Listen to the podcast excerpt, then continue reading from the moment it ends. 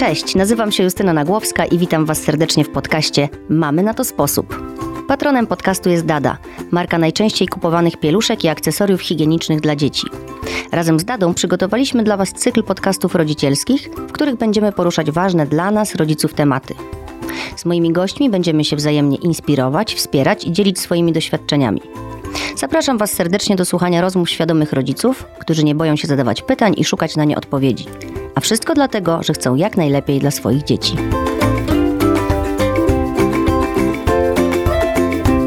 Dobro planety, na której żyjemy, jest dla nas tak samo ważne jak dobro naszych dzieci. Kiedy napisałam to zdanie, poczułam, jak bardzo jest ono dla mnie oczywiste, ale też niestety to, że nie zawsze się do tego stwierdzenia stosuję i muszę nad sobą nieustająco pracować, by to zmieniać, ulepszać. Podczas dzisiejszej rozmowy spróbujemy sprawić, żeby to zdanie stało się oczywiste dla każdego z Was. Nasze dzieci mają przed sobą wiele pięknych lat, które spędzą gdzie? Na Ziemi. Nieważne w którym jej zakątku się znajdą, Ziemia będzie zawsze ich domem. Dlatego tak bardzo ważne jest, żeby od najmłodszych lat edukować je w tematach dbania o planetę, szanowania natury i rozważnego korzystania z jej niesamowitych darów. Moim marzeniem jest, żeby nasze pokolenie świadomych rodziców wychowało piękne pokolenie świadomych dzieciaków, dla których ekologia będzie naturalnym elementem ich życia. Czymś, co po prostu znają od urodzenia i funkcjonują według zasad, których my niestety wciąż musimy się uczyć, wdrażać kolejno zdrowe nawyki, uruchamiać w sobie troskę o środowisko i pilnować się, żeby nie popełniać błędów i nie szkodzić Ziemi, która bardzo potrzebuje teraz naszej uwagi i zaangażowania w jej ratowanie.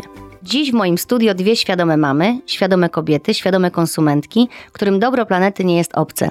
A nawet, powtórzę zdanie, które powiedziałam na początku, dobro planety jest dla nich równie ważne jak dobro ich dzieci.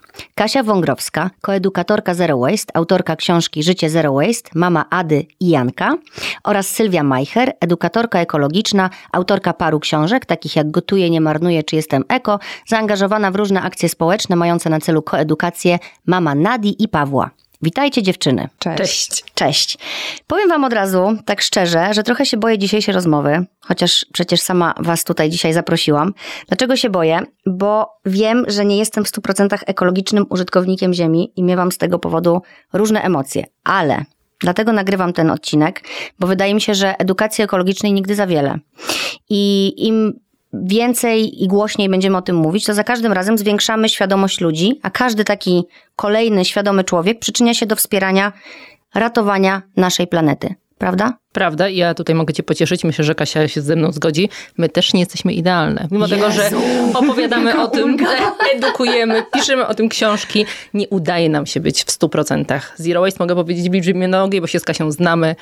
No staramy się cały czas, ale jeszcze też mamy dużo do zrobienia. Znaczy ja ci powiem, że jak kiedyś publikowałam posty na Instagramie pokazujące ile plastiku zużyłam na przykład w jakimś tygodniu albo miesiącu, ludzie czuli ogromną ulgę, e, widząc, że właśnie o kurde, nie, ona napisała tą książkę, a jednak y, nadal przytrafia jej się ten plastik. Więc tak, to jest normalne, tylko no naszą rolą czy wyzwaniem w tym wszystkim jest y, to, żeby tych odpadów było po prostu mniej. Niekoniecznie zero. No właśnie, czyli less, yy, możemy mówić. Czyli yy, ja już się czuję lepiej, bo coś, co jest narzucone z góry i takie czarno-białe, nigdy nikomu nie służy i zawsze jedni się będą buntować, bo w ogóle nie spróbują, bo stwierdzą, to nie dla mnie, nie dam rady, a inni będą się biczować za każdym razem, kiedy powinie im się noga i to też wtedy nie jest przyjemne. A chyba chodzi tak naprawdę w życiu o to, żeby robić dobre rzeczy, ale żeby ono to było też przyjemne dla nas, to życie tutaj, nie? Żeby sobie tego życia nie utrudniać, tylko mieć świadomość. Tak naprawdę chodzi o świadomość, o diagnozę tego problemu. Każdy z nas zaczyna tę drogę do Zero Waste od innego etapu. Inną ma ścieżkę, którą będzie podążał. Niektórzy mają nadmiar rzeczy, z którymi nie są sobie w stanie e, poradzić. Niektórzy już pokonali te e, pierwsze trudności i na przykład e, ten plastikowy problem nie jest dla nich taki najważniejszy. Mają do załatwienia inne rzeczy, więc tutaj nie ma jednej recepty dobrej dla wszystkich. Każdy powinien sam najpierw określić, czego potrzebuje, dokąd chce dotrzeć i później będzie łatwiej rzeczywiście podjąć to no wyzwanie. No Tych wyzwań jest jest mnóstwo na każdym etapie naszego życia, one mogą się też zmieniać, także lepiej się skupić i tam e, skumulować energię, e, żeby robić niż i działać, niż obciążać się właśnie bezsensownymi wyrzutami sumienia. No właśnie, poza tym to biczowanie się jest takie demotywujące. Nie chcemy potem iść dalej tą drogą, na którą być może już weszliśmy, mhm. bo widzimy, jak bardzo niedoskonali jesteśmy. A ja bym była raczej za tym, żeby właśnie stanąć, zatrzymać się na chwilę, pomyśleć, co już udało nam się osiągnąć, poklepać się trochę tak po, klec- po pleckach, mhm. przytulić się gdzieś tam nawet sami siebie i docenić, że no nawet te małe rzeczy, które właśnie robimy w naszym codziennym życiu dla dobra planety, dla dobra, nie wiem, zdrowia naszych dzieci chociażby, one już są ważne, one już mają znaczenie. No właśnie, małe kroki, bo nas jest bardzo dużo, więc jak każdy zrobi mały krok, to to będzie jeden wielki krok. A poza tym też tymi małymi krokami inspirujemy innych. Też to zawsze powtarzam na wszystkich szkoleniach i warsztatach, że mm, swoim przykładem, efektem tych działań możemy wybudować taką zajawkę dla e, kolejnych e, osób. Pokażemy, że to jest sukces, który każdy może osiągnąć. I właśnie jak, e, nie wiem, mamy problem z marnowaniem żywności, bo ponad połowa jedzenia, jakie trafia do śmietników, trafia do kosza przeciętnego mieszkańca Polski. To nie restauracje, to nie sklepy, tylko właśnie my jesteśmy najbardziej odpowiedzialni za te straty. I wyobraźmy sobie, że teraz mm, wszyscy wprowadziliby taki plan naprawczy, bardziej by zaczęli przyglądać się e, temu, co kładą na talerze, a czego nie kładą, jak robią zakupy, robią, rob, będą robili na przykład listę zakupu, bo to jest główny problem. Brak tej listy powoduje, że mamy takie ogromne e, straty. Od razu by się udało te 5 milionów ton, które co roku trafiają do śmietnika, e, zmniejszyć. Więc no, takie właśnie przykłady mogą nas nas y, zdecydowanie motywować. Tak, dlatego Wam powiem, że bardzo mi imponuje to, co robicie. Zamierzam się dzisiaj sporo nauczyć i to, że właśnie pokazujecie, że można i, i, i to nie jest takie trudne, to jest super. Przejrzałam wasze Instagramy i już moja wiedza się powiększyła i już miałam takie, kurczę, jak one mogą, to ja też przecież mogę. Przecież to wystarczy po prostu myśleć, nie? Jakby robić coś świadomie. I zamierzam też małymi krokami zrobić różne rzeczy, chociaż powiem wam, że jak się tak zaczęłam właśnie biczować, to tak sobie zastanawiałam się, co ja robię i nie jest tak najgorzej. Jak już potem tak na siebie spojrzałam takim przychylnym okiem, że no nie zawsze uda mi się wziąć woreczki wielorazowe na warzywa, jak idę na zakupy. No ale to na przykład nie biorę już tych foliowych, tylko biorę to w rękę, co tam często panie nie lubią, bo im się to rozsypuje tam po tych wagach i tak dalej. No ale jakby też można robić takie rzeczy, Chociaż zamien, tutaj, zamienniki. Przerwę ci, że panie nie lubią. My, my konsumenci świadomi, coraz bardziej też edukujemy takie panie. Te panie mhm. im częściej widzą takie rozsypane warzywa na e, tej taśmie, tym przychylniejszym okiem na to spoglądają. Parę lat temu to rzeczywiście było takie, no niefajne, były jakieś takie nieprzyjemne miny, a teraz okej, okay, kciuk do góry, więc okay. ja, ja wam powiem, No, ja wam powiem, że mam takich e, kasjerów i kasjerki, którzy rozpoznają, że to ja, bo właśnie po moich woreczkach przyszła, albo po innym.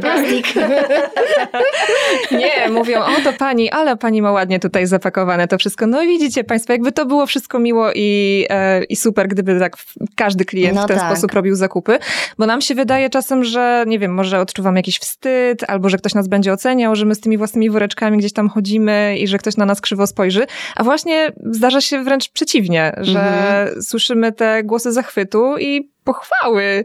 No i właśnie, nie wiem, wydaje mi się, że po prostu to jest wszystko kwestia jakichś przekonań, które mamy w naszych głowach i gdy zrobimy ten pierwszy, drugi, trzeci krok i nagle okaże się, że nic złego się nam nie dzieje, e, no może się okazać, że po prostu wejdzie w nam, nam fajnie w nawyk tak, i zdrowy nawyk. I inni przy okazji też zaczną nas naśladować. I inni, i ci inni to są też właśnie nasze dzieci, o których dzisiaj tu będziemy rozmawiać, bo jako rozmawialiśmy na początku przed nagraniem, że bycie świadomym rodzicem jest bardzo trudne tak. i wymaga naprawdę dużego nakładu pracy, ale się opyla, mówiąc kolokwialnie i w skrócie. Miejmy nadzieję, nie?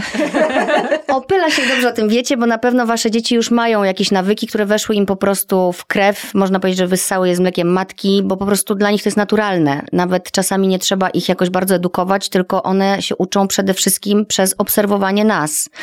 Więc y, moje dzieci, jak wychodzimy z psem, to już same mówią, ma worek masz na kupę? Ja mówię, mam, bo my też właśnie zbieramy kupy. Co też, słuchajcie, jest takie, że ja na przykład zaczęłam na Instagramie u siebie pokazywać to, że to robię, to to też dostałam jakieś e, takie mm, komentarze. Po co to robisz, skoro inni tego nie robią? Mhm, to mhm. jest najgorsze. Właśnie, słuchajcie, nie myślcie w ten sposób, bo tak to nigdzie nie dojdziemy, nie? Odbieranie sobie mocy sprawczej. Tak. To tak jakby mówić, że inni kradną, to ja też będę kraść. No, no właśnie, jakby nasz kodeks moralny nie? powinien pokazywać nam, którędy mamy iść i to gdzieś tam nawet jest w naszej intuicji. Wcale nie musi być uzasadnione tym, że cała grupa w ten sposób robi, nie? Tak, tak. No to też i to też jest ważne dla naszych dzieci, bo nasze dzieci często przychodzą ze szkoły i próbują zakombinować, że a inne dzieci też nie, nie miały, nie zrobiły, nie coś tam. No i zawsze mówimy, no, ale patrz na te dzieci, które na przykład zrobiły. Robią. Albo u nas w domu po prostu robi się tak i wyjaśniamy z jakich powodów robi się tak. U mnie w domu jest tak, że na przykład moje dzieci piją i to e, jakby zauważyłam w pewnym momencie, nie zdawałam sobie długo sprawy z tego, że to jest takie naturalne dla nich, piją kranówkę. One sobie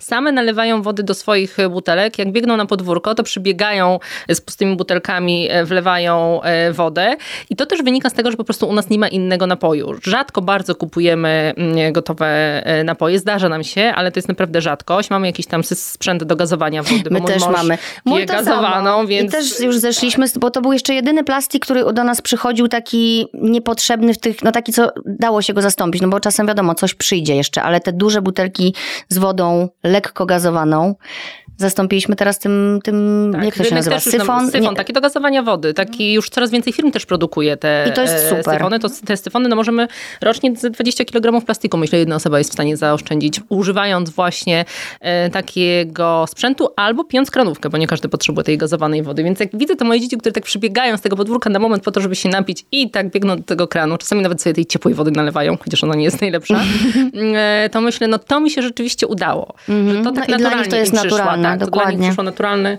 naturalnie. Ale dlatego ja na przykład nie lubię zwrotu edukacja ekologiczna, bo mi się wydaje, że to wszystko zależy od tych warunków, które my stworzymy, czy też naszym dzieciom na początku, jak mówimy właśnie o dzieciach tutaj w naszym domu e, i one w tych warunkach po prostu dorastają i dla nich pewne rzeczy po prostu są naturalne i, i, w, i w ten sposób zostały wychowane, że na przykład właśnie będą piły tą kranówkę, czy nie wiem, będą brały kanapki do kanapkowijek, czy do woskowijek zamiast do, nie wiem, jednorazowych foliowych woreczków, tak samo, gdy myślimy o społeczeństwie ogólnie, jeżeli stworzyłoby się nam warunki, w których jako konsumenci możemy żyć ekologicznie, to nawet byśmy się nad tym nie zastanawiali, nie myśleli, nie musielibyśmy tego ubierać nawet w zwrot edukacja ekologiczna, tylko po prostu to są nasze realia i w ten sposób warto no rozsądnie żyć, bo to służy i nam, i planecie. A ja tu jestem optymistką, bo coraz więcej e, takich sprzyjających warunków mamy. A to tak. Chociażby na przykład z tą e, kranówką. Ona jest w szkołach. Trochę przez pandemię to zostało e, ucięte. zawieszone, ucięte Ale już chyba wróci zaraz. Już wraca.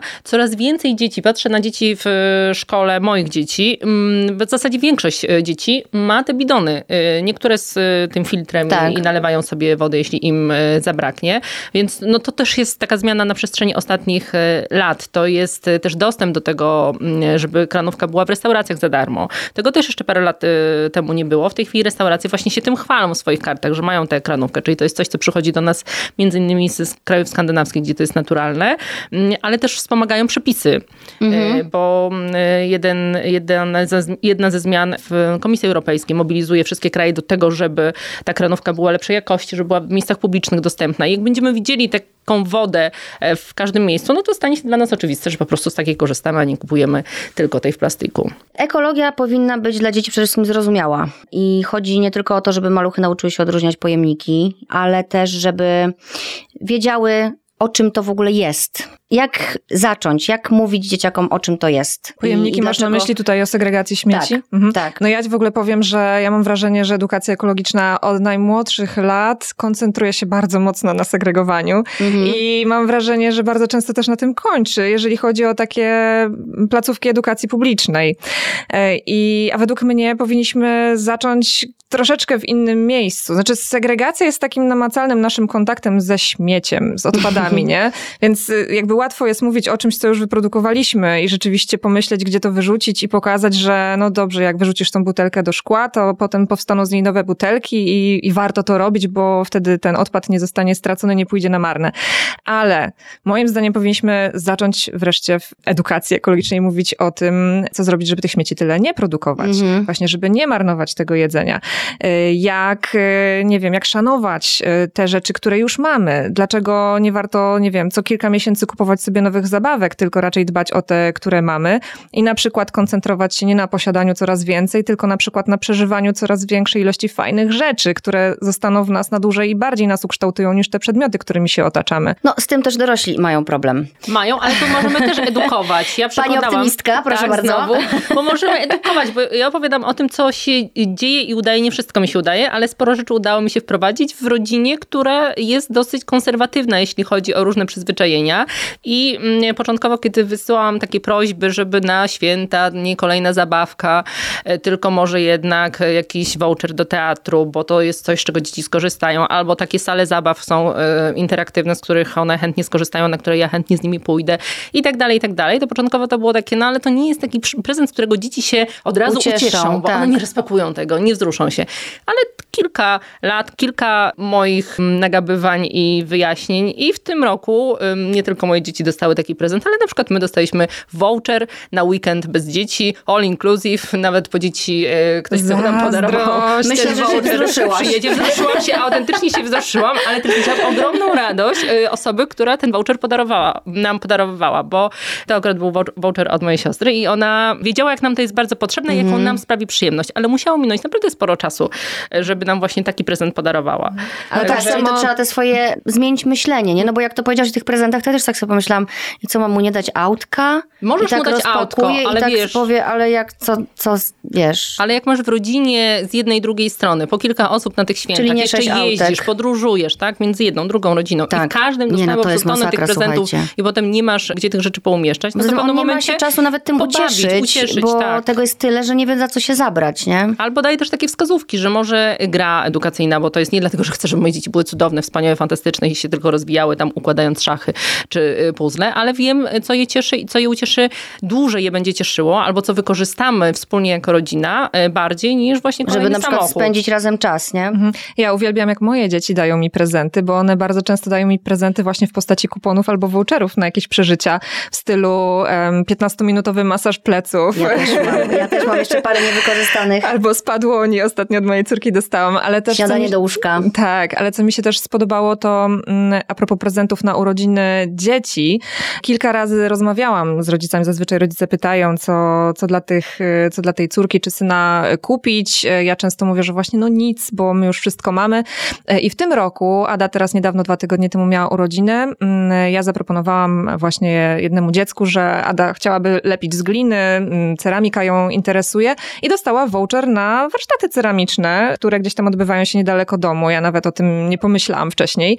Więc zamiast posiadać tą glinę w domu i nieumiejętnie, nieudolnie gdzieś tam próbować z nią coś mm wylepić, ewentualnie jeszcze tam przypadkiem, nie daj Boże, przylepić coś na ścianie, to pójdzie na zorganizowane w bezpiecznych warunkach warsztaty e, i bardzo się Ucieszyła z tego... się. Bardzo się z tego ucieszyła, tak. Patrzcie, wniosek jest z tego taki, że musimy po prostu mówić o swoich potrzebach, tak jak mówimy o potrzebach codziennych, wyrażamy je w stosunku do swojego partnera, dzieci, bliskich, dalekich, to tak samo o potrzebach ekologicznych można mówić e, otwarcie. Na początku być może będzie właśnie jakiś protest, zdziwienie, ale to jest temat do oswojenia na pewno. Świadomość jest super ważna, już tutaj to padło. Jak było w waszym przypadku ze świadomością ekologiczną? Kiedy poczułyście albo zrozumiałyście, że to jest bardzo ważne, na tyle ważne, żeby się tym zajmować zawodowo? I edukować innych. No ja myślę, że to najbardziej poczułam w momencie, gdy zaczęłam pisać bloga i um, zaczęłam od ograniczania się w ilości rzeczy, które posiadałam, bo był to moment, w którym byłam w ostatnich miesiącach ciąży, już po przeprowadzce, ale gdzieś tam rozglądałam się po swoim domu i zastanawiałam się, ile tych rzeczy w zasadzie mam.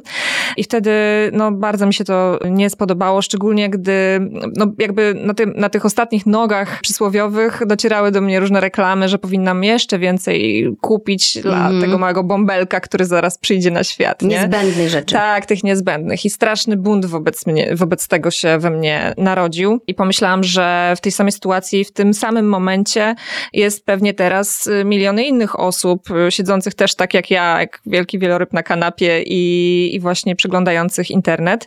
I wtedy właśnie zaczęłam, że tak powiem, nie wiem, no, ograniczać stan posiadania, staram się pozbyć rzeczy, których już nie potrzebuję. No i doszłam do wniosku, że tych rzeczy, które są jeszcze zdatne do użytku przez kogoś innego jest po prostu za dużo i zastanawiałam się, jak to jest, że ja doprowadziłam swój dom, czy swoją przestrzeń do takiego stanu właśnie przesytu, czy nadmiaru. I trochę mnie to ubodło ekologicznie wtedy, że ktoś musiał te rzeczy wyprodukować, zużyć na nie surowce, a ja teraz chcę się ich pozbyć, niektóre I oddać, też, bo nie wiadomo, wyrzucić jakoś, nie? Czasami. No, no właśnie. To jest też ta bolączka, że nawet jak już zrobisz ten rachunek sumienia, to zostajesz z tą stertą rzeczy i myślisz sobie, nie co to mam to wyrzucić teraz? Tak, no, no wtedy się właśnie rodził we mnie pomysł giveboxów i, i potem już y, kilka lat później powstającej podzielni, czyli takiego free shopu, w którym można przynosić rzeczy, które już są nam niepotrzebne i ktoś może sobie je wziąć za darmo. Tak samo my sobie możemy wziąć coś za darmo, jeżeli poczujemy taką potrzebę. Ale mm, pamiętam, że na tamten moment miałam bardzo duży dylemat taki ekologiczny związany z, z taką chęcią bycia minimalistką. O może tak, że ja muszę się najpierw pozbyć tych rzeczy, na nie już zużyto zasoby, ktoś potem jeszcze będzie musiał je zutylizować, zużyć kolejne zasoby energetyczne, czy jakieś jeszcze inne, żeby w ogóle coś z tym zrobić.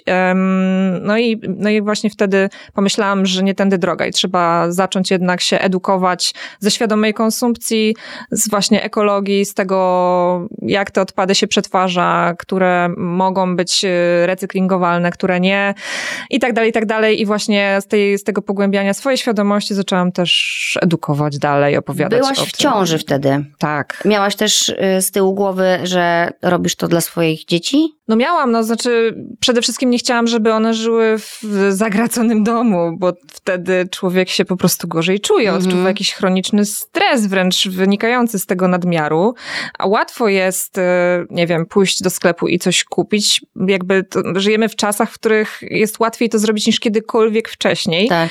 Nawet nie musisz wychodzić. Tak. e, Przyniosą ci do domu. No dokładnie, już teraz ilości tak. folii i kartonu, który potem musisz zutylizować gdzieś. No, no dokładnie. Nawet jeśli coś ma eko w nazwie, kupujesz jakiś produkt, który jest ekologiczny, potem go dostajesz właśnie w opakowaniu wielokrotnym. Tak.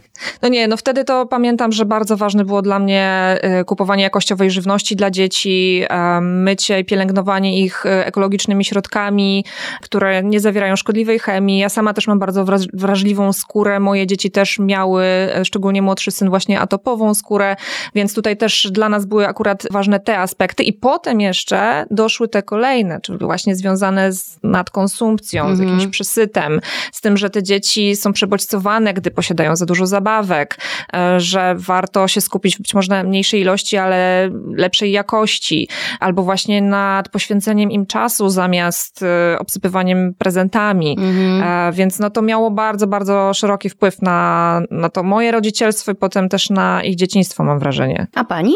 A u mnie wszystko się zaczęło w kuchni, ponieważ ja e, miałam duży problem z robieniem nieumiejętnie zakupów, co Za wynikało dużo też za kupowałaś? dużo, co wynikało też z takiego mojego osobistego protestu, bo jestem z domu, w którym się robiło listy zakupów, w którym moja babcia zawsze, to też powtarzam, zawsze pytała o to, kto ile zje ziemniaków na obiad i gotowała tyle, ile mm, e, zadeklarowaliśmy nigdy więcej, żeby kompletnie nic nie zostało, a jednak tak komponowała te posiłki, że wszyscy byli najedzeni, że nikt nie wstawał od stołu e, głodny. Każdą rzecz, która została, jakoś trzeba było się nią zaopiekować, albo była przykładana do mniejszej miseczki, albo zamrażana, albo przerabiana od razu, a ja w momencie, kiedy poszłam na swoje, poczułam taką wolność, że mi już nikt nie każe się ograniczać, że ja mogę sobie Kurde, kupić to jest teraz... super ważne w ogóle, co ty mówisz teraz. Tak, litr Bo ty byłaś, pasty. e, ty byłaś edukowana już jakby Ja od byłam małego. od dziecka, jestem w ogóle z rodziny... Ale y, poczułaś chęć buntu. Ten bunt był mocny, naprawdę mocny. Jak wyjechałam na miesiąc w podróż i zamieszkał u mnie mój kolega, to mu powiedziałam, a mieszkałam w takim mieszkaniu, w którym wcześniej była kancelaria notarialna i była taka pancerna szafa. I w, ja w tej szafie miałam właśnie e, żywność i powiedziałam temu mojemu koledze, możesz jeść wszystko z tej szafy. I on przez miesiąc, dorosły człowiek, który się żywił tylko moimi zapasami, nie był w stanie przejeść. A ja mieszkałam wtedy sama i miałam zapasy jak dla e, wojska. Jeszcze w pancernej szafie. W pancernej szafie, tak. I, I zaczęłam prowadzić później bloga ze swoją przyjaciółką i znowu kupowałam też dużo, bo e, chciałam eksperymentować w tej kuchni, więc na przykład litrowa pasta kary, dlaczego nie, a używałam do dania dwie łyżeczki. Siedzieliłam właśnie z przyjaciółką kupowałyśmy coś na pół i, i przykładałyśmy sobie do słoików, ale w pewnym momencie ten chaos mnie tak zaczął męczyć. Ten blog się stawał coraz bardziej popularny, więc więcej w niego inwestowałam czasu, energii, a jednocześnie pracowałam normalnie na etacie. On był dla mnie odskocznią i musiałam to sobie zacząć układać, żeby y, te dwie strony móc jakoś tam pogodzić. I po prostu wr- wróciłam do korzeni, do tego, czego mnie nauczono, do planowania, planowania posiłków, robienia listy zakupów, do braku, zastanawiania się w drodze z pracy, czy ja mam coś w lodówce, czy nie mam, y, pamiętania, czy już ta rukola zwiędła, czy mam kupić nową, wymieniania SMS-ów z ym, już później mężem, czy on zrobił zakupy, czy ja zrobiłam zakupy. Okazywało się często, że oboje zrobiliśmy zakupy. I kiedy ten plan powoli, powoli wcielałam w życie, ten, ten rodzinny plan, okazywało się, że ja mam więcej czasu, że gotuję lepiej, że mam to wszystko poukładane, że wiem, kiedy sobie zrobić zdjęcie na tego bloga, że wiem, jak wykorzystać to, co mi zostaje po to, żeby przygotować kolejne danie. I też zaczęłam się dzielić tymi inspiracjami. Okazało się, że jest na to zapotrzebowanie, takie właśnie wykorzystywanie, planowanie. A po drugie, też takim momentem zwrotnym, dużym w moim życiu było to, jak pojechałam, robiąc jakiś tam reportaż, bo pracowałam jako dziennikarka i zobaczyłam w sortowni śmieci, ile jedzenia i jakiego jedzenia schodzi z takiej taśmy, ile jest na takiej taśmie. Że to jest jedzenie, jakbym weszła tam z koszykiem z marketu i wyjęła z tej taśmy poszczególne produkty, to nikt by nie rozpoznał, że to nie jest Mhm. jedzenie, które przyniosłam ze sklepu. I stanęła mi przed Ze oczami moja babcia, ze, ze śmietnika, stanęła mi przed oczami moja babcia, która w czasie wojny poczuła, co to jest głód i niczego nigdy w życiu nie zmarnowała. I pomyślałam sobie, że ona by po prostu dostała zawału serca, gdyby, Mhm. gdyby zobaczyła ten e, koszyk. I rzeczywiście zaczęłam wtedy też w wolnym czasie na urlopie macierzyńskim pisać pierwszą książkę.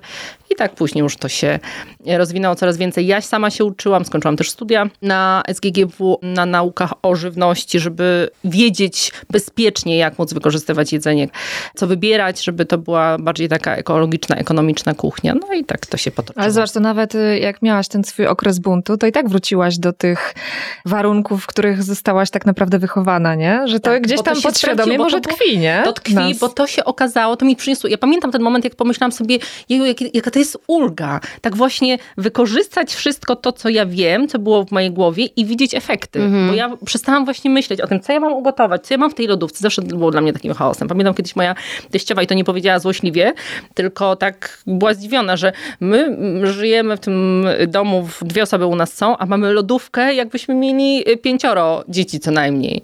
I Czyli teraz co? mam bardziej pustą lodówkę niż wtedy, kiedy miałam, byłam sama z mężem. Ja nie wiem do końca jeszcze, e, jak to się robi, czyli się planuje wszystko, bo ja ty mówisz, że wiesz, że już się nie musisz zastanawiać, co będziesz robiła, bo ty już wiesz wcześniej, tak? Tak, planowanie jest zdecydowanie kluczowe, czyli planowanie, ale też nie musi być to planowanie na cały tydzień posiłków. Planowanie posiłków i planowanie zakupów. Ja mam taką listę na lodówce, do której wszyscy sobie dopisują, czego potrzeba, co by chcieli, co może już się skończyło. I to naprawdę też nam ułatwia i też rozmawiam z dziećmi o tym, co one chcą jeść, bo to Tak. nie ma niestety sensu, jeśli ja będę sobie tam gotowała, takie jak e, wczoraj zrobiłam seler zapiekany w e, takiej otulinie z kaszki, kiedy moje dzieci wiem, że może nie będą zainteresowane tym tematem. Ja im daję im wybór, na przykład w weekendy, to one już wiedzą, mamy taką tradycję, że rano się spotykamy w łóżku, czasami już w nocy niestety się spotykamy w łóżku wszyscy i rozmawiamy o tym, co będzie e, w weekend do zjedzenia i to moje dzieci decydują. I na szczęście nie jest to tylko pizza i, I naleśniki. i naleśniki. No u nas w niedzielę są zawsze naleśniki albo w sobotę, to już jest tradycja. Ale nie ma nic złego w tym. Tak, ja to uwielbiam też i, i, i to jest od zawsze. Ale wróćmy do dzieciaków, czyli jeżeli chcemy, żeby nasze dzieci miały taką edukację, to musimy zacząć od siebie. Bo tu wracamy cały czas do tego dobrego przykładu, nie? że to wszystko pójdzie gładko, kiedy no nie możemy mówić dzieciom, że coś mają robić, a sami tego później nie robić, bo to No nie możemy mówić, znowu wrócę do tej wody, że pij tylko wodę z kranu, a samemu nalewać sobie y, napoju jakiegoś gazowanego, kolorowego i tak dalej, i tak dalej. No bo dziecko po prostu w to nie uwierzy. Dzieci No. są najlepszymi też niestety takimi kontrolerami no. jakości naszego Tak. życia. W przedszkolu jest też teraz edukacja, z tego co wiem. Ch- Będę tam wracać e, niedługo, w przyszłym roku, bo na razie miałam przerwę, bo dzieci moje są w szkole. W szkole nie ma tak za dużo tej edukacji, z tego co rozmawiam z moimi córkami. Wciąż tutaj kuleje jeszcze to. Wszystko ale zależy od szkoły, tak naprawdę Wszystko zależy od nauczyciela, szkoły. bo nauczyciele mogą. Ja wam powiem, byłam zdziwiona, jak się dowiedziałam o tym, że w priorytetach Ministerstwa Edukacji jest edukacja ekologiczna na pierwszym miejscu. Powiedziała mi to moja koleżanka, która zajmuje się tam planowaniem tych tam No, ale to się teraz zajęć. zaczyna To się dziać, zaczyna nie? teraz, tak. Mhm. Ale też ja mam taką wewnętrzną misję, mm, żeby właśnie chodzić do szkół i dzieciom opowiadać o tej ekologii w chwilach wolnych. Staram się, żeby w każdym miesiącu dotrzeć do jakiejś szkoły i nie zdarzyło mi się, żeby dyrektor szkoły i nauczyciel odmówił. Czyli Okej. jeśli O, jest czyli warto inicjatywa, próbować. tak, zawsze chętnie, wręcz przeciwnie, y, pytają, czy może jeszcze w jakiejś klasie, a może byśmy tak zrobili na forum, a może byśmy jakieś działania, więc naprawdę też y, ci, którzy odpowiadają za tę edukację naszych dzieci, nie protestują, wręcz przeciwnie, są bardzo otwarci na rozmaite działania. Natomiast jestem po lekturze raportu Nie nasza wina, nie nasz problem o postrzeganiu zmian klimatycznych w dobie pandemii w Polsce wśród Mhm. Polek i Polaków. I jednym z takich smutniejszych wniosków wynikających z tego badania jest fakt, że młodzi ludzie po pierwsze nie znają autorytetów albo nie wiedzą, gdzie szukać czy weryfikować informacje związane ze zmianami klimatycznymi, z ekologią, z tym, co jest w zasadzie dobrym środowiskowo zachowaniem, a co nie. I niestety e, podkreślona była tam e, jakby bardzo niska rola w edukacji klimatycznej, edukacji publicznej, mhm. że to po prostu nie zdaje egzaminu, ta edukacja tam się nie pojawiała albo pojawiała się w zbyt skąpej formie i wydaje mi się, że jakby dla mnie edukacja ekologiczna czy jakaś klimatyczna to nie powinien być jakiś osobny przedmiot. To powinny, powinien być jakiś szereg działań wprowadzonych w zasadzie w każdym przedmiocie, czy w ogóle w jakimś takim funkcjonowaniu ogólnym, tak jak na początku zresztą mówiłam, że te warunki, w których my prowadzimy nawet tą działalność edukacyjną, to jak, jak szkoła jest zorganizowana w ogóle, jak y, postępują nauczyciele, jakie warunki mają uczniowie w szkole, to już jest element edukacji klimatycznej. Nie to, że my będziemy analizowali, nie wiem, słupki z danych na, -hmm. na nie mhm. wiem, jakichś zajęciach, które będą raz na dwa tygodnie, dajmy na to, nie? Więc myślę, że tutaj jakby to się pojawia, przewija się. Fajnie, że jest to już w priorytetach Ministerstwa Edukacji, ale no, jest taka luka, którą musimy gdzieś tam odrobić i te działania edukacyjne prowadzić już teraz dla osób dorosłych, które po prostu tego no, nie doświadczyły. Słuchajcie, eko od kołyski, więc skupmy się teraz na tych maluszkach, maluszkach, które właśnie dopiero poznają świat Dajcie takie swoje porady dla mam, które właśnie teraz posłuchały i powiedzą, dobra, spróbuję z tą ekologią coś zrobić, spróbuję być bardziej świadoma, chcę. Skoro one mogą, to ja też mogę. Co można robić już od samego początku, żeby, no bo wiecie co, ja to mam, zawsze jak coś zrobię takiego świadomego, ekologicznego, ja się po prostu lepiej czuję. To jest już pierwsza nagroda, którą dostajemy, nie? Że możemy sobie, i to nie chodzi o to, żeby ktoś nam powiedział, ale jesteś super, bo zrobiłaś to i to, tylko my same musimy się nagradzać, nie? Żeby ta świadomość świadomość wzrastała i ta chęć ciągłego polepszania tej, tej swojej, tych swoich zachowań. Co możemy robić już od samego początku, jak zostajemy rodzicami, żeby się czuć dobrymi użytkownikami ziemi, świadomymi i takimi, którzy nie szkodzą. Przede wszystkim nie y, ulegać wszystkim reklamom, które mówią ci, że musisz kupić to dla dziecka, to dla dziecka, to dla dziecka i jeszcze tamto dla dziecka, tylko mm, ograniczyć od samego początku e, liczbę tych rzeczy, które... Zawsze można dokupić. Można dokupić, ale można okaże, też dostać. Ja miałam taką sytuację z moim młodszym synkiem, który przez całą ciążę był dziewczynką. Naprawdę, to była diagnoza, nie, diagnoza, tylko to było stwierdzone nie przez jednego lekarza, bo miałam problemy w tej ciąży dosyć naprawdę skrupulatne badania były robione, ale jednak cały czas była to dziewczynka. On się urodził jako wcześniak i urodził się chłopcem. Jak Ta-da. pani mi podała go e, i powiedziała, że to jest chłopak, to ja tak spojrzałam na zegar, który był, był zobaczyłam 16.30 mówię, ale jak to chłopak? Ja chciałam mieć dziewczynkę. Więc miałam wszystko przygotowane dla dziewczynki po mojej starszej córeczce. Nie miałam nic dla chłopca. Potem byłam jeszcze z nim ponad miesiąc w szpitalu i moje koleżanki zorganizowały mi w ciągu kilku dni całą wyprawkę dla chłopca. Jedna zapytała, czy nie chciałabym, bo tam jakaś jej koleżanka na Facebooku wrzuciła ogłoszenie, że oddaje jakieś ciuchy dla chłopaka, a druga coś tam.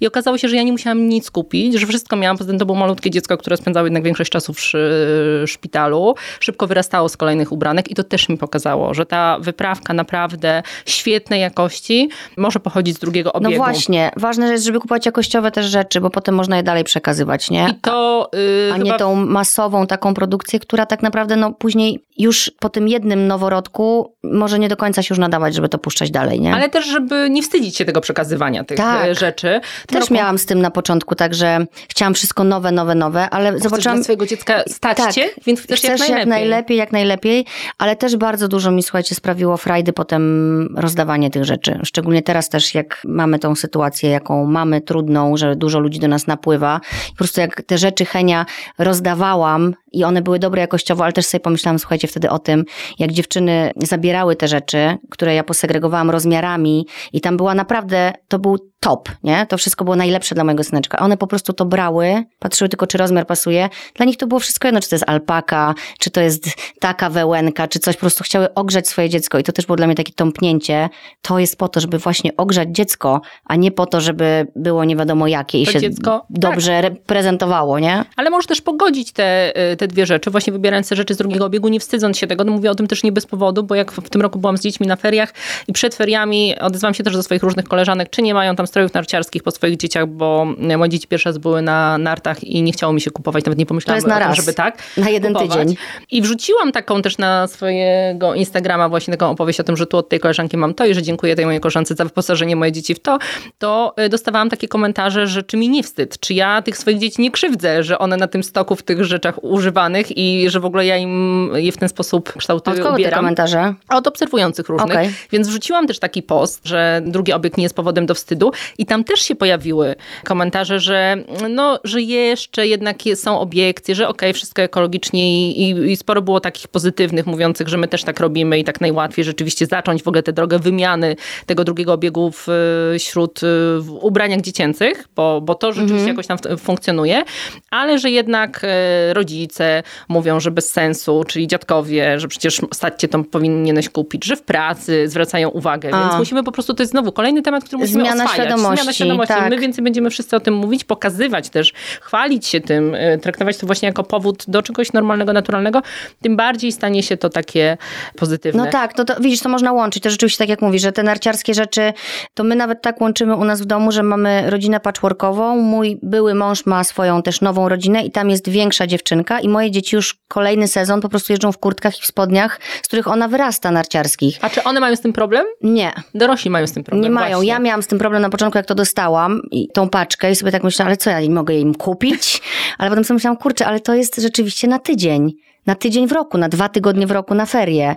I teraz jeździ jedna córka, wyrasta, jeździ kolejna, więc i potem oddajemy dalej. Ja Ale bo zobacz, bo to jest trochę tak, że to niekoniecznie musisz szufladkować, że to jest zero waste albo ekologiczne, tylko to jest po prostu jakieś rozsądne zachowanie. Nie? Po prostu po co kupować na tydzień, skoro możesz mieć coś używanego i to jeszcze wykorzystać i potem dalej przekazać jeszcze innym dzieciom. Tak. Bo to jakby, jak już zostało to- wyprodukowane, to trzeba to używać, póki można, nie? Póki się nadaje, póki jest, jest tak, dokładnie. A oczywiście kupujmy im to, co chcą, no bo ja mam teraz już nastolatki, no to one sobie wybierają też swoje ubrania, one też nie chcą wszystkiego mieć takiego, więc to jest to właśnie o czym mówiliśmy, nie czarno-białe, tylko można łączyć. Jak tu nie, no to tam. Tak. Moja nie? córka ostatnio też do mnie powiedziała, mamo, czy mogłabyś mi kupić modną bluzę? Mhm. I ma, nie mam z tym problemu, bo też wiem, jakie to jest dla niej ważne. Ważne. Tak? Ale jak wybieramy tę bluzę, to też się staram patrzeć i też jej o tym mówię, że to musi być na metce odpowiednia informacja, że to ma być bluza na kilka jednak, czy kilkanaście miesięcy, czy nawet na lat, jeśli kupimy większą taką bluzę, a nie taka tylko dlatego, że jest modna,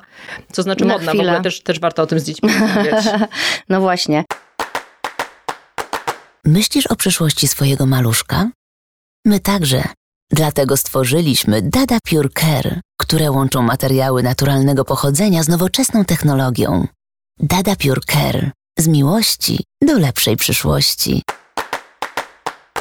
Jesteśmy po wyprawce, co dalej możemy robić? Bo te dzieci już nam później też podrastają. Przede wszystkim ja bym jeszcze do tej wyprawki wróciła, bo nie zasypywałabym dzieciaków, nie wiem, nadmiarem zabawek to jedno, Mhm. bo one na początku rzeczywiście w zasadzie bardziej się interesują sprzętami Rączkami. gospodarstwa domowego. Albo swoimi rączkami, jakie odkryją. Kablami, które gdzieś leżą, albo nie wiem, ogonem kota, który przechodzi obok. Tak, dokładnie, nie? No. Zwykłą łyżeczką, a, Tak. nie, a nie jakimiś wymyślnymi gadżetami. E, To jest gdzieś tam w naszych głowach i gdzieś tam generowana potrzeba y, przez agencje marketingowe, które, które gdzieś No, tam to jest trudne, wkładają kurczę. to, To jest y, trudne do, do naszych wyzbycia się, umysłów. nie? Ale dzisiaj Mhm. też mi lampka się zapaliła. Albo Będę sami po prostu zaspokajamy swoje potrzeby z dzieciństwa, bo wciąż jesteśmy z ym, Pokolenia, pokolenia nie niedoboru. było. i Że tego nie było kiedyś, nie? nie? się tata Mhm. kupił, albo No widzisz, no to tak jak ty miałaś z tym, że byłaś wychowana właśnie tak zero waste i nagle ci się po prostu odpaliło, że musisz się teraz po prostu zmienić to, Bo nie? mnie było na to stać. Tak, I teraz tak. też nas stać na to, żeby tym dzieciom dawać wszystko, co najlepsze, więc, więc chcemy jednocześnie gdzieś tam podświadomie. No, no ja, ja bym tutaj na pewno podkreślała, że zero waste to właśnie jest to niekoncentrowanie się na kupowaniu nadmiarów. Nie? Tutaj to, to również te pierwsze dwie zasady z takich pięciu R, e, o których się cały czas mówi, gdy mówimy o zero waste, to jest refuse i reduce, czyli odmawiaj i ograniczaj. Mhm. Im mniej masz, y, tym jakby żyjesz bardziej ekologicznie i wcale nie musisz y, nie wiadomo ile nakupować gadżetów, żeby móc się określić, że jesteś zero waste, nie? Okej. Ale też wiem, że życie rodzica może być dosyć trudne, że to wiesz, czasem jest takie zaskakujące, Może że być. nagle mamy dziecko. Jest? Mówmy faktami, dziewczyny. No, no dla mnie było. Ja się przyznam, dla mnie było. gazetki dzieciom z plastikowymi zabawkami. No Kupowałaś? tak. Kupowałam i kupuję do tej pory, bo jak ja nie Ma- chcę kupić czasami, to moje dzieci mówią, że mają swoje pieniądze i to za I te tak pieniądze, sobie które kupią. mają od babci, od cioci albo od wujka, one chcą kupić, bo tam w tej gazetce to jest coś i ja sobie wtedy myślę, no dobra, to poczytają przynajmniej tę gazetkę, porozwiązują te tam krzyżówki, które są w tej gazetce, pograją w tę grę, która jest w tej gazetce i, i, i to też właśnie nie chodzi o to, żeby popadać ze skrajności w skrajność, tylko jakoś to wszystko wyważyć. Mhm, tak. No ale właśnie, bo jakby nawiązując do tej trudności, ja wiem, że to może być ciężkie i, i możemy się właśnie jeszcze samobiczować, że nie jesteśmy idealnymi mamami zero waste, bo kupiliśmy to czy tamto, albo że, nie wiem, nie zdołaliśmy przejść na pieluchy wielorazowe, albo jakieś wielorazowe waciki do podmywania pupci, bo, Mhm. bo, bo wygodniej jest po prostu zrobić nam coś inaczej, bo i tak już jesteśmy bardzo zmęczone całą codziennością z małym e, dzieckiem w domu, że po prostu nie jesteśmy w stanie już takiej zmiany wziąć na, na, na nasze barki. Ale jakby możemy wykonywać te zmiany małymi krokami. Możemy po prostu zwracać uwagę na bardziej świadome, ekologiczne produkty, czy takie, które zostały wyprodukowane z użyciem em, energii odnawialnej, chociażby już są teraz takie pieluszki, które też są z użyciem bawełny organicznej produkowane, czy w, mają konkretne certyfikaty ekologiczne i dzięki temu też działamy na rzecz naszej planety, na rzecz ochrony środowiska. To są te małe kroki, które są też ważne i żebyśmy sobie też za te kroki dawały piątkę. e, Dokładnie. Bo one już też są ważne, że, świad- że wybieramy świadomie produkty, nie? Tak, takie, które mają mniejszy ślad wodny, mniejszy ślad węglowy, to znowu w tej makroskali Jak to się szuka takich produktów? efekt, przynosi Wszystko jest oznaczone? efekty. No najczęściej szukamy po oznaczeniach, tak, no bo skąd mamy inaczej wiedzieć, e, Ale czy nie to jest jakoś produktu. oznaczone tak, że to widać, czy Tak, musimy się tak. doszukiwać? Tak, producenci już się teraz żeby chwalą. wiedzie, wiedziały dziewczyny, że, że chwalą, Chwalą się producenci co tak, dobre. certyfikatami, tym, że właśnie produkt jest ekologiczny. Tutaj też powinniśmy być zawsze czujni i, i sprawdzać, e, czy tak jest, ale, ale ta pierwsza informacja, która jest na opakowaniu, już tam powinna nas kierować właśnie. Zresztą są też regały w sklepach już takie, które są e, wyodrębnione z produktami ekologicznymi, produktami bio czy organic, bo to może być różnie nazwane Mhm. I, i tam też nasze oczy powinny się kierować, jeśli chcemy właśnie dokładać tę pozy- pozytywną cegiełkę Ale chociażby takie dwa, dwa certyfikaty, które warto chociażby wspomnieć, to jest certyfikat FSC, czyli Sprawiedliwego Leśnictwa, z którego, którym oznaczone są produkty z um, użyciem celulozy albo no, papieru, albo chociażby Ecolabel, czyli produkty z użyciem tkanin albo bawełny. E, I tutaj też jest, to oznaczenie wskazuje nam, że to jest bawełnia, bawełna ekologiczna albo organiczna, e, więc to też jest e, z poszanowaniem dla zasobów naturalnych i dla środowiska wówczas pozyskiwany surowiec albo produkowany produkt. No, tak jak chcecie sobie kupić t-shirt, to taki i będzie też y, lepiej będziecie No, się albo chociażby czuły. tą wspomnianą pieluszkę. Albo pieluszkę, dokładnie. Słuchajcie, co, y, co jest ważne, żeby mówić dzieciom? Jak z waszego doświadczenia? Tutaj też jest, y, Sylwia, wydałaś też książkę Jestem Eko. Jakby co jest takie, no bo myślę, że tak, na, na pewno em, nauczenie dzieci empatii i dzieci w ogóle się rodzą empatyczne, nie? Lubią zwierzątka. Co to za kiwanie głową? Bo ja wiem. Ale się nie rodzą empatyczne? Nie, moim zdaniem nie. Naprawdę? A moje są empatyczne. Mm. No Henio wącha kwiatki i w ogóle tak bardzo lubi przyrodę i tak dalej. No to może są jakieś różne dzieci, to też warto powiedzieć. No to No, ja- jak? ja- ja Czyli co, nauczyć czytałam dziecko badania. empatii? Mm, Ja czytałam badania, Wrażliwości? że empatia u dzieci się pojawia dopiero w wieku tam nastu lat. Że tak naprawdę to małe dziecko się wydaje takie niewinne, nie? Może to nam się kojarzy z taką empatycznością. I Mhm. ono jest, nie wiem, schodzącym słodziakiem, nie? Czasami. I Tak. to jest takie, o cudowne, że się lubi przytulać i tak dalej, ale ono to robi dla siebie. Małe dzieci są egoistami. Jakby myślę, że powinniśmy sobie z tego zdać sprawę. One działają na rzecz swojego własnego interesu i działają bardzo mocno, jeszcze ich działania wychodzą z mózgu gadziego jednak. E, No to a tutaj mamy red alert. tak, to jest wszystko z y, kory przed, przedczołowej, mm, znaczy z tej, z tej części mózgu jednak, która jest rozwijana z czasem u człowieka i to właśnie ma jakby na rozwój tej, tej, tej części mózgu na pewno mają wpływ warunki, w jakich to dziecko jest wychowywane. To, czy my pokazujemy, że jesteśmy empatyczni, że działamy z poszanowaniem dla siebie nawzajem, w jaki sposób się porozumiewamy, że w domu nie ma przemocy, tylko ze sobą rozmawiamy, słuchamy się nawzajem, ale też jak podchodzimy do środowiska, czy Do szanujemy na przykład inne stworzenia, tak? E, Czy, Mhm. nie wiem, gdy idziemy na spacer, to wrzucamy śmieci, gdzie popadnie, czy wręcz może nawet zbieramy po innych, bo ktoś zostawił, to też jakby opowieść o, tym, że to jest też nie zagrożeniem jest wstyd, dla, słuchajcie, dla zwierząt. nie? zebrać śmiecia. To I nie tylko raz w roku, kiedy jest dzień, e, dzień środowiska, albo dzień ochrony ziemi, albo jakiś tam inny dzień, dzień zbierania śmieci, bo to wtedy są takie masowe akcje, tylko można to robić codziennie. I rzeczywiście jak są te masowe akcje, to dzieci w tym uczestniczą, ale też warto, to, żeby to był nawyk dla dzieci. Ale my swoim przykładem, jeśli my podniesiemy śmieć, to dziecko też ten śmieć e, podniesie. No jeśli my właśnie. pojedziemy częściej rowerem, czy wybierzemy komunikację miejską, szczególnie w mieście, bo tam, gdzie mm, jest to problem w małych miejscowościach i na wsiach, ja to naprawdę rozumiem, jest wykluczenie w tej chwili em, komunikacyjne i sporo osób ma problem z tym, żeby skorzystać z takiej komunikacji miejskiej czy transportu publicznego, ale w dużych miastach spokojnie można e, korzystać z komunikacji mm, miejskiej częściej niż Mhm. z samochodu i też można dzieci tego uczyć, że do szkoły można podjechać hulajnogą, rowerem i, i tak dalej, i Autobusem. tak dalej, autobusem. Nauczyłam moje dzieci tego i jeżdżą autobusem, co jest dla mnie bardzo wygodne. A ty jak jeździłeś do szkoły? Rodzice mnie wozili. Ach, ja autobusem. No widzisz. Ale też potem wygodnie było. No ja miałam na samochodem. Wracałam autobusem. Nie było jeszcze hulajnóg też. e, Hulajnogami też lubią jeździć. Nie wiem, jak to z ekologią jest okej, nie? Hulajnogi jak najbardziej. E, zakręcamy wodę, czyli przy myciu ząbków już możemy od małego uczyć też, że woda nie leci cały 11 czas. litrów nawet możemy zaoszczędzić przy każdym myciu zębów, a rocznie 11 litrów. tylko dlatego, że zakręcimy. Albo naprawimy spłuczkę w toalecie, to już dorośli bardziej. Kiedy woda cieknie, to jest kolejnych kilkadziesiąt litrów w skali roku, to są tysiące. To już w ogóle powinna być taka podstawa z tą wodą w kranie, nie? Ale wiele, ale też znowu ale, nie jest. Też ale znowu widać, nie jest że ta woda tak. leci, nie? Szczególnie jak dzieci myją ręce w szkole, to tak gadają sobie tutaj jedno do drugiego i te, Mm, ta ta, woda woda, leci, leci, leci, tak. a tu te ręce namydlone, a tu jeszcze leci, czy też często widzę w galeriach handlowych, jak właśnie, bo ja tak się staram nie krytycznie, ale patrzeć, co się dzieje i gdzie, gdzie ten problem jest, bo to, że my żyjemy bardziej świadomie, albo my po prostu zmieniliśmy perspektywę i zdajemy sobie sprawę z różnych problemów, to nie znaczy, że wszyscy wokół nas y, Mhm. to robią nie dlatego, że nie chcą, tylko też często po prostu nie zdają sobie sprawy nawet z tego, że tu jest właśnie jakaś tam lekcja do odrobienia, no bo gdzie mieli się tego nauczyć? Jeśli nie No w tak. domu, mówimy o tym, że ta szkoła dopiero raczkuje z ty, tym programem ekologicznym, mm, to, to właśnie w galeriach handlowych też widać bardzo, że ta woda leci, a tutaj sobie prawie makijaż, a tutaj jeszcze się Teraz są takie krany też na przycisk, co jest dobre, bo dozują. Tak. Nie?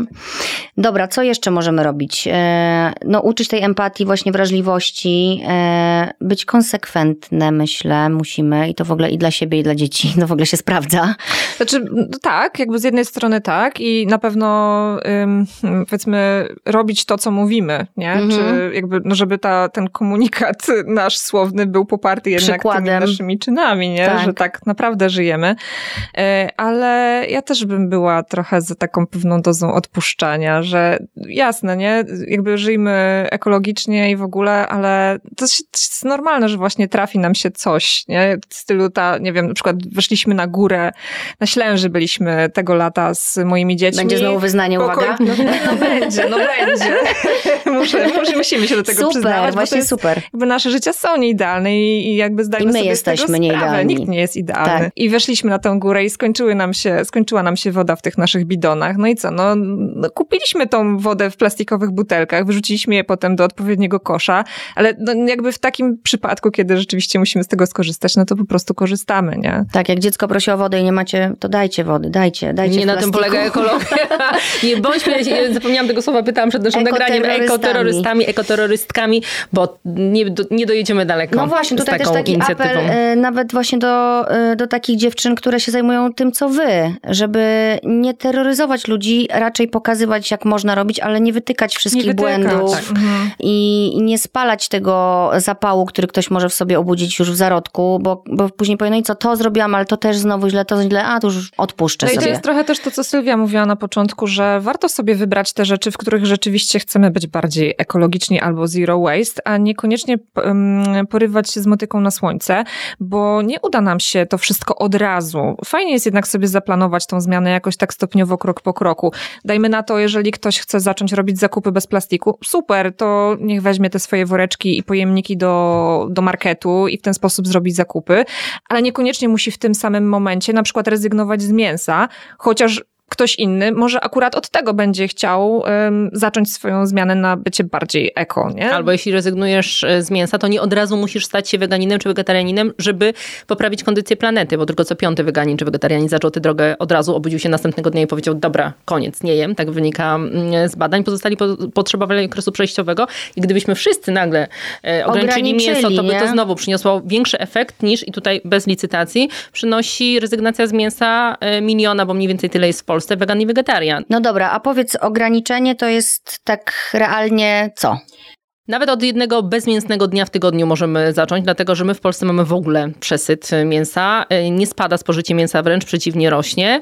Te najnowsze dane mówią o tym, że to jest nawet ponad 70 kg rocznie, a dla um, poprawy naszego zdrowia i planety powinniśmy jeść maksymalnie 25 kg rocznie, więc my mamy naprawdę z czego schodzić. Takie dwa duże kotlety schabowe tygodniowo to powinno być tyle. Każdy może sobie zrobić swój rachunek, ile tam tego mięsa ma, ile tej szynki na kanapce.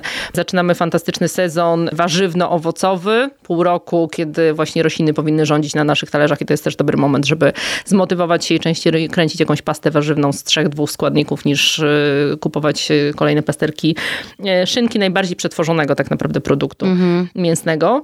I, I, to też nie jest jakieś trudne, żeby to, żeby to zrobić, żeby więcej tej sałaty było, żeby też dzieci do tego przekonywać, bo to, to znowu my jesteśmy tutaj tymi bohaterami, którzy mogą pokazywać, jak to zrobić. Ja jestem zwolenniczką tego i to mi się super sprawdza w domu, żeby nie każdy posiłek, bo się nie da codziennie obiadu zjeść wspólnie, ale kiedy jemy wspólnie posiłki, jemy je po pierwsze przy stole i są rzeczy wyłożone na talerzach. I każde dziecko, czy każdy, kto jest z nami przy stole, sam decyduje, ile czego zje. To mm. naprawdę sprawia, że to jest trudniejsze oczywiście, bo trzeba na te talerze porozkładać, a potem trzeba te talerze poskładać, ale dzięki temu po pierwsze mniej się tego jedzenia marnuje, no bo nie ściąg to, co zostanie, można jeszcze jakoś tam przerobić, wykorzystać później. Po drugie, ta decyzyjność i ta sprawczość powoduje, że to dziecko skorzysta, ma jakiś wybór i, i tego wyboru sobie dokona. Ma powiedziane, że tam warzywo musi być, więc jakieś tam warzywo z dwóch, trzech sobie wybierze i to, to bardzo też polecam. I w ogóle takie wpuszczanie dzieci do tego naszego świata, do kuchni, to jest oczywiście większy bałagan. Ja też dzisiaj z moją córką robiłam coś na śniadanie i po prostu myślę sobie, Nadia, masz 8 lat, ona akurat teraz jest chora, siedzi w domu.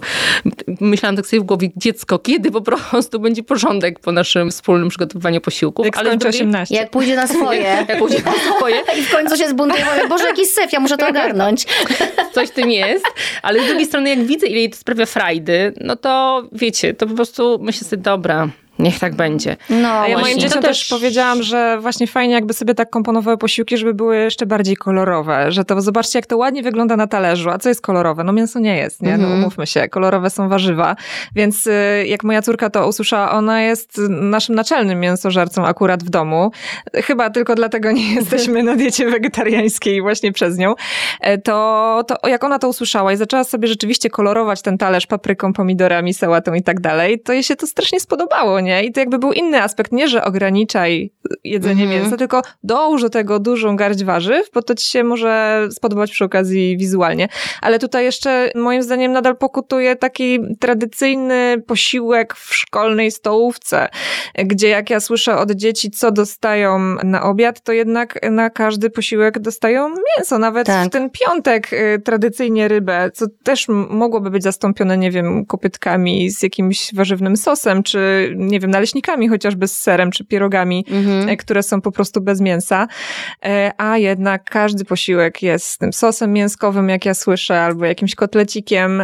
I to też jest takie właśnie przyzwyczajanie niestety dzieciaków do tego, że to mięso na ten obiad musi się pojawić. Tak, ale to są też za duże posiłki, bo z, um, też Tam też udział tak, zostaje. Takim, I to można, taka szkoła może zaoszczędzić rocznie wartość dobrego samochodu. Gdyby um, ograniczyć co najmniej te posiłki, zmniejszyć o połowę, brałam udział też w takim badaniu, gdzie sprawdzaliśmy 10 warszawskich szkół, tam było ważone to jedzenie, ile dzieci zjadają i mm, kiedy byłam na tych wydaniu tych, tych, tych posiłków, to ja nie byłam w stanie zjeść takiego, a jem naprawdę sporo, zjeść takiego obiadu, który dostawały dzieci od w klasie 1-3, bo tam była na przykład na pierwsze danie była zupa grochowa, czyli czy fasolowa, czyli strączkowa zupa, Konkret. która już mocno e, syci, na mięsie zupa zrobiona, a na drugie danie były ziemniaki z mięsem w sosie, surówka i na deser było jabłko. I to wszystko naprawdę było dobre. To było moje zaskoczenie, że te posiłki w tej stołówce były pyszne. Natomiast no, to był posiłek dla dorosłego człowieka, ale znowu tutaj wracamy do przepisów, bo takie są normy określone w odpowiednich formularzach i szkoła nie może tej normy przekroczyć, zmienić sobie samodzielnie i ta zmiana też musi być systemowa, ale ona też się dzieje, więc tu znowu mój optymizm górą. E, o tym dużo mówimy. Dobrze, że masz ten optymizm, powiem ci, bo to jest naprawdę... Bo widzę, wiesz, widzę y, w ostatnich latach, jakie zaszły zmiany, chociażby te woreczki, w momencie, kiedy one były prowadzane przez ekologów, czy ludzi bardziej świadomych, tych, którzy chcieli pakować do własnych woreczków, sklepy patrzyły krzywo. W momencie, kiedy przychodziliśmy z własnymi pojemnikami do sklepu, żeby do nich zapakować ser czy wędliny, też nie było takiej możliwości. W tej chwili sklepy się chwalą tym, że można do takich e, opakowań pakować. Mało tego, wystawiają kartony, do których możesz sobie zapakować, jeśli nie masz swoich woreczków. Kiedy Polskie Stowarzyszenie Zero Waste robiło akcję kilka lat temu, żeby nalewać kawę do własnego kubka w kawiarniach, to wszystkie sieciowe kawiarnie mówiły, nie da się, mamy sanepid, który nam tego zabrania. Jedną rzecz wystarczyło zrobić, zapytać sanepid, czy rzeczywiście sanepid zabrania. Okazało się, że przepisy nie nadążają za zmieniającą się rzeczywistością. Nie było żadnego e, przepisu prawnego, mm -hmm. który by zabraniał. Kiedy poszedł taki komunikat ze strony Sanepidu, kiedy w interpelacji poselskiej posłowie zapytali o to również Ministerstwo Zdrowia, Ministerstwo Środowiska i rekomendacje były pozytywne, czyli żeby nalewać jednak tę kawę, to w tej chwili wszystkie sieciowe kawiarnie nie dość, że nalewają tę kawę do kubka klienta, jeszcze oferują ci zniżkę, tak. żebyś to właśnie u nich tę tak. kawę kupił. No właśnie, to jest ten, ten pomysł, że... To jest pięć ostatnich lat. Te, właśnie zmiany. te reklamówki też, że nie, jak będzie taniej po prostu, jak weźmiesz swoje, nie? Powiem wam, że już trochę to, e, z tymi torbami e, to już jest tak, że czasem mi się też zdarza podjechać na zakupy, kiedy tego nie planowałam i nie wrzuciłam tych toreb z powrotem do bagażnika, tych wielorazowych. No i wychodzę z tą siatką jednorazową i już mam takie poczucie takiego trochę obciachu. I to też jest okej, okay, no bo e, następny raz, żeby nie mieć tego poczucia obciachu, po prostu będę pamiętać, żeby tę torbę włożyć. Ale nie? możesz ją wykorzystać do czegoś, co ci, nie wiem, coś potrzebujesz przetransportować, co Czyli że ci zabrudzi. Dobra. Nie, niepotrzebnie, bo możesz wyłożyć nawet worek, y, kosz na śmieci taką y, torbą i potem opróżnić go i osobno wyrzucić torbę, osobno wyrzucić te y, śmieci. To też nie jest jakieś... Ja wczoraj na przykład byłam u siebie w śmietniku, chodzę tam częściej, ale widziałam panią, która stała przy tym śmietniku i tak segregowała te śmieci właśnie z worka i tak aż jej powiedziałam, Jezu, jak cudownie. Bo, o, to też jest fajne, tak, żeby, żeby jak widzisz kogoś, kto robi coś fajnego, to, to mu tak mrugnąć i powiedzieć, że super, nie? Tak. Moja wspólnota, i to nie moja zasługa, tylko wspólnoty, która jest u mnie w bloku, a ten blok ma tam kilkanaście pięter, postawiła taką szafkę, coś takiego jak e, Givebox, e, bo zobaczyła, ile fajnych rzeczy ląduje. Pani sprzątające mm -hmm. zobaczyły, ile fajnych rzeczy u nas ląduje na mm, śmietniku. Postawiła szafkę wymiany. I tam w tej szafce e, ludzie zostawiają w tej chwili zabawki, książki i to też jest taka fajna gra między sąsiadami, bo na przykład jak były walentynki, Super. znalazłam tam książkę Kuchnia erotyczna. Nie, po wakacjach mamy po prostu jak w Empiku serię przewodników do, to jest do super, wyboru. Ale to jest też genialne do edukowania dzieci, nie? Zostaw tak, zabawkę ja... i potem przychodzicie, zniknęła, czyli ktoś wziął i ktoś się cieszy i My ktoś się wymieniamy się też. Teraz, Zawsze nie? moje dzieci już na przykład też wiedzą, nie, że one są naprawdę takie super ekologiczne, e, nie są, ale wiedzą już i to są też takie nawyki, wiecie, budowane trochę też nieświadomie, że jak jakieś książki już nie będą czytać albo są za małe na tę książkę, idzie do kogoś albo do tej szafki i one sobie mogą wziąć na wymianę, jak tam też im się znudzi czy coś, to, to mm, odkładają. I w tej chwili na tej naszej półce można znaleźć, bo to nie jest śmietnik, tylko tam są też książki, które są albo na listach bestsellerów, albo właśnie są nowościami. Ktoś przeczytał wiele książek jest takich, co czytasz raz i, i do widzenia. Tak, niektóre chcesz sobie zostawić, a niektóre a mogą iść dalej. Nie. Gazety. Co nie znaczy, że są niefajne, bo też ludzie sobie myślą, no, no ktoś zostawił tą książkę, na pewno jest niefajna. Nie, już chyba u nas tak nie myślą, bo widzę, że te książki znikają. Czasami e, wychodząc, myślę sobie, dobra, jak będę wracać, to wezmę i przy, do przeczytania już nie ma. I tygodniki też tam zawsze i gazety kobiece o, różne zostają. Kurczę, ja czytam z tygodniowym pomysł. opóźnieniem. Tych, jaki to jest super pomysł. Ale zobaczcie, jaki to jest super pomysł, żeby właśnie wdrożyć też w szkołach i w przedszkolach. Tak. Takie regały do wymieniania się rzeczami. Przecież te maluszki czasem się nudzą szybko swoimi zabawkami. Zatem czy... mają z tych nawet gazetek, nie? Tyle tych ludzików, tego wszystkiego. grami planszowymi, nie? Zagrało się kilka razy, może coś nie podpasowało. Fajnie by się z kimś wymienić na coś innego, nie? Super Firmy to. to. Bardzo szybko podłapują. Pewnie też to masz ze szkoleń, że firmy tak, bardzo tak. szybko te szafy wymiany podłapują i to super działa. Czy giełdy no, mam nadzieję, takie... że właśnie kogoś teraz do tego zainspirujemy, słuchajcie, bo zbliżamy się do końca odcinka. Rozmawiamy dzisiaj o dzieciach, eko od kołyski. Zróbmy sobie takie podsumowanie dla rodziców, takie właśnie wytyczne, inspiracje, jak możemy uczyć dzieci od samego początku tego dbania o przyrodę i życia w ekologicznym duchu. Na Uwraż, przykład. Uwrażliwiamy je, e, czyli pokazujemy im, co ta przyroda dla nas znaczy, jaką ma moc, jak można, może nas zmieniać, jak może na nas y, działać i co możemy dobrego dla niej zrobić. To już nie tylko to niedeptanie tych trawników, ale właśnie podnoszenie tych y, śmieci. To y, troska o zwierzęta, to takie spacery leśne, które są naprawdę bardziej relaksujące i działające na nas też tak przyjemnie niż niejedna atrakcja, którą możemy sobie kupić za pieniądze. Każdy weekend, żeby tak się przespacerować po takim lesie, wyrobić dziecku ten nawyk przy okazji, na przykład można jakąś ścieżkę edukacyjną opracować, można jakieś rośliny poznać, rośliny, które do, potem do garnka Są w ogóle ścieżki wrzucić. edukacyjne, warto sprawdzić w swojej okolicy, gdzie one są i są takie ekologiczne ścieżki, coraz więcej jest ich, gdzie są różne takie z, y, tablice z różnymi informacjami, można się dowiedzieć, kto tam żyje, też w tym lesie, jakie zwierzątka i tak dalej, nie? Czyli to jest też to uwrażliwianie. My jak wybieramy się z dzieciakami na jakąś wycieczkę do lasu, to też y, pytamy je, gdzie chcą pojechać, bo znają mniej więcej, y, jakie są lasy wokół Poznania i sobie same wybierają trasę, wybierają sobie, którymi ścieżkami pójdą. E, moja Ada też jest taka bardzo uważna na drobnostki, gdzieś tam wypatruje ślimaków albo mchu czy porostów i tak sobie właśnie obserwujemy tą przyrodę i myślę, że to już jest fajne działanie. Zamiast tego bycia cały czas w mieście, gdzieś tam w pośpiechu, czy w, nie wiem, jakiś przebodźcowujących dzieci rozrywkach, no właśnie uczestniczymy w tym życiu, które jest pełne natury, przyrody i, I działa na nas pozytywnie żyje, i buduje. Nie? I to tak. właśnie warto im pokazać, że jeżeli nie będziemy o to dbać, to to po prostu wyginie i przestanie żyć, nie? Tak, tak. ale też nie straszymy, nie straszymy. tylko dajemy Jezu, przykład. Właśnie, właśnie tak, dajemy przykład i y, pokazujemy, jakie to będą konsekwencje takie pozytywne, jeśli my wszyscy będziemy współodpowiedzialni za tę y, przyrodę, jeśli będziemy się o nią y, troszczyć, jeśli będziemy uważać na każdą kroplę wody, możemy dzieciom podawać, oczywiście w taki sposób, sposób dla nich dostępny informacje, że tej wody nie mamy za dużo, że to wcale nie jest tak, że skoro woda leci z naszego kranu, to ona tak może lecieć zawsze, że to od nas zależy, e, czy e, będzie jej więcej, czy będzie jej e, mniej, że jest susza, która jest realnym zagrożeniem, że nie każdy ma dostęp do bieżącej wody. Te informacje też dzieci są w stanie przefiltrować przez jakby swoją rzeczywistość i też na pewno to będzie taka forma uwrażliwienia ich. Ja myślę też, że warto być konsekwentnym jako rodzic i pokazywać na własnym przykładzie, że my rzeczywiście rzeczywiście w ten sposób żyjemy mm. i jak chcemy żyć, jak mówimy, że warto żyć, ale też jakby ta konsekwencja jest tutaj ważna, żeby pokazywać konsekwencje naszych nieekologicznych zachowań, ale właśnie nie strasząc, nie tak jak już tutaj wspomniałyśmy, czyli taki, taki nie wiem, ciąg przyczynowo-skutkowy. Zobacz, jeżeli mamy określoną ilość wody, wylejemy jej za dużo, po prostu nie będziemy jej mieli, więc warto być może ją oszczędzać. Albo jeżeli ktoś wyrzuci, nie wiem, śmieć do lasu i po sobie nie posprzątał, po prostu tam zostanie. Zobacz, bo teraz idziemy na spacerze i widzimy te śmieci.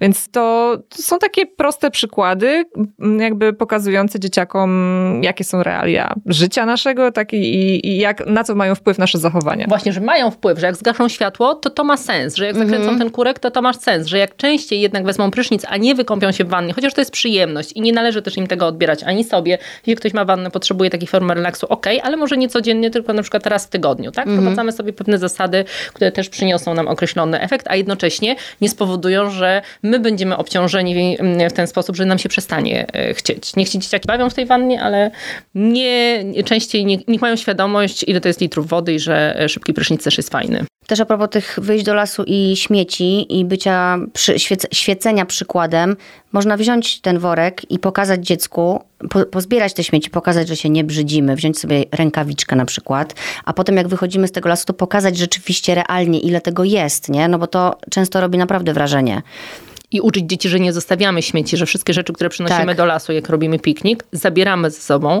i wrzucamy je w odpowiednie y, miejsca i w ogóle wszystkie rzeczy, które gdzieś tam y, kumulujemy też, my jesteśmy za nie odpowiedzialni, tak jak jesteśmy za, odpowiedzialni za wyprodukowanie ich w naszej przestrzeni, tak za usunięcie ich. Mój Janek już ma takie przyzwyczajenie, że jak gdzieś właśnie jedziemy na wycieczkę, to on zawsze zabiera jakąś torbę, jakiś worek na śmieci, bo wie, że no niestety, ale zawsze się coś znajdzie.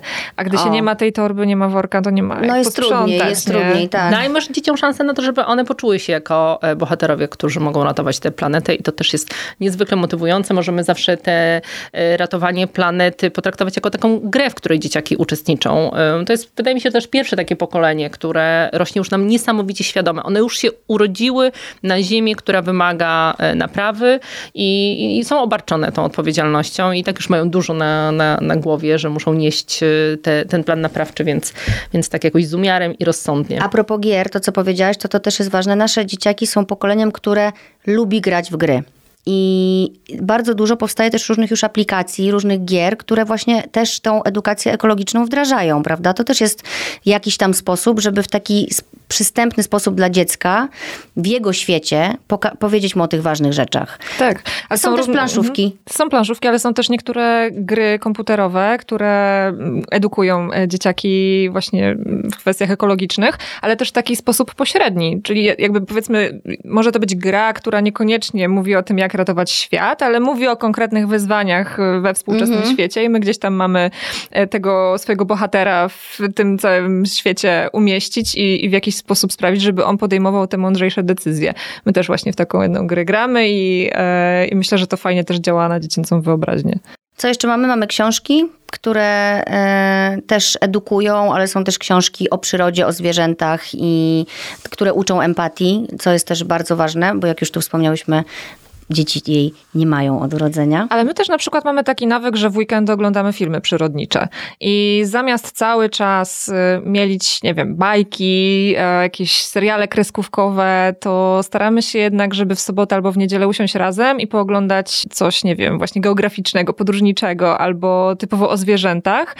I dzieciaki wbrew pozorom uwielbiają te filmy i bardzo dużo z nich wyciągają. Wystarczy trochę poszukać, niekoniecznie w telewizji, ale można też, nie wiem, w internecie właśnie Na takie filmy poznajdować. Różnych. Tak, więc tego jest naprawdę mnóstwo, wystarczy chcieć. Ale to jest też super, żebyśmy usiedli i rzeczywiście oglądali razem, nie? A nie odpalili i poszli sobie do swoich zajęć, bo to jest ten czas spędzony razem i że dzieci widzą, że dla nas to też jest ważne, nie? A my nie, że my im musimy nauczyć każemy oglądać coś, czego my nie oglądamy, bo idziemy robić sobie jakieś ważniejsze dla nas wtedy rzeczy, nie? To, to jest to dawanie przykładu, o którym tutaj tak, mówimy. I tak. też my same, y, sami możemy się nauczyć, wynieść coś z tego filmu za każdym razem innego. Może jakiś nowy pomysł się pojawi na e, wspólne działania, ale my teraz tak tutaj opowiadamy, jakbyśmy były takie wszystkie idealne. Pamiętajmy, że nie idealność też ma ogromną moc i przez tę nieidealną drogę jesteśmy w stanie dotrzeć do tego celu odciążenia planety. I tego też warto uczyć dzieci, że y, możemy być nieidealni, nie? I żeby one też nie poległy przy pierwszych ekopróbach, jak się okaże, że jednak nie udało im się i kupiły sobie w sklepiku tą wodę, nie? Bo zapomniały bidonu. I żeby też nie miały z tego powodu jakichś ogromnych wyrzutów sumienia, tylko żeby wyrzuciły do odpowiedniego kosza. Dokładnie, ale też docenić właśnie to, co im wychodzi. Tak. Bardzo Wam dziękuję za udział. Te, można by o tym, ten temat jest tak rozległy, że właśnie zastanawiałam się, jak to w ogóle ugryźć, ale dzięki temu, że Wy to robicie na co dzień, to jeżeli Wy macie słuchacze, słuchaczki niedosyt, to śledźcie po prostu profile dziewczyn. Tam jest tyle różnych informacji. O nowalijkach ostatnio to u Ciebie było? To u mnie, tak. Się że dowiedziałam, to że to jeszcze się nie je. Że to też jest kurczę ważne, bo my tak działamy bardzo intuicyjnie, ale to nie zawsze jest okej, okay, nie? Tak, i też mi ktoś napisał w komentarzu, że y, super, że ten post się pojawił, bo skąd my mamy to wiedzieć? No ja właśnie. też wrzucam co miesiąc taką grafikę, co w danym miesiącu mm, warto jeść. Jak nie wrzuciłam w marcu, to ludzie się sami dopominali. Przepraszam bardzo, im... gdzie tu o jedzeniu? To, nie to, wiem, to co im, jeść. To im daje też taki drogowskaz, że właśnie w danym miesiącu, no skąd mamy to wiedzieć? Mamy w tej chwili w sklepach wszystko o każdej porze roku, więc a sezonowość też jest, kolorowe. Sezonowość też jest dla nas ważna. Bardzo dziękuję za przekazaną wiedzę, ogrom przekazanej wiedzy. Świetne z was edukatorki. Bardzo dziękuję za pracę, którą wykonujecie. Myślę, że docenianie takich osób jak wy też jest ważne, żeby wam się to dalej chciało robić na takim zaawansowanym poziomie, na jakim to robicie. Mam nadzieję, że zainspirowałyśmy słuchaczy i słuchaczki i słuchaczy do tego, żeby zweryfikowali swoje postępowanie, może wdrożyli jakieś nowe zachowania małymi krokami. Tak jak mówimy, tutaj nie ma ekoterrorystów, tylko tutaj są świadome mamy, świadomi ludzie, którzy chcą jak najlepiej dla ziemi, na której będziemy jeszcze trochę żyć, a nasze dzieci jeszcze dłużej i nasze wnuki, tak można dalej, dalej, dalej. Więc y, dbajmy o to, co, co nam zostało dane po prostu. Dziękuję Wam bardzo. Super, dzięki. Dziękujemy.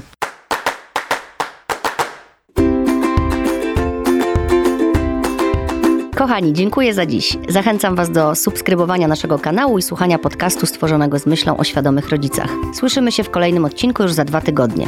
Śledźcie Facebook Dada i stronę dada.pl, bo tam jak zwykle najświeższe informacje.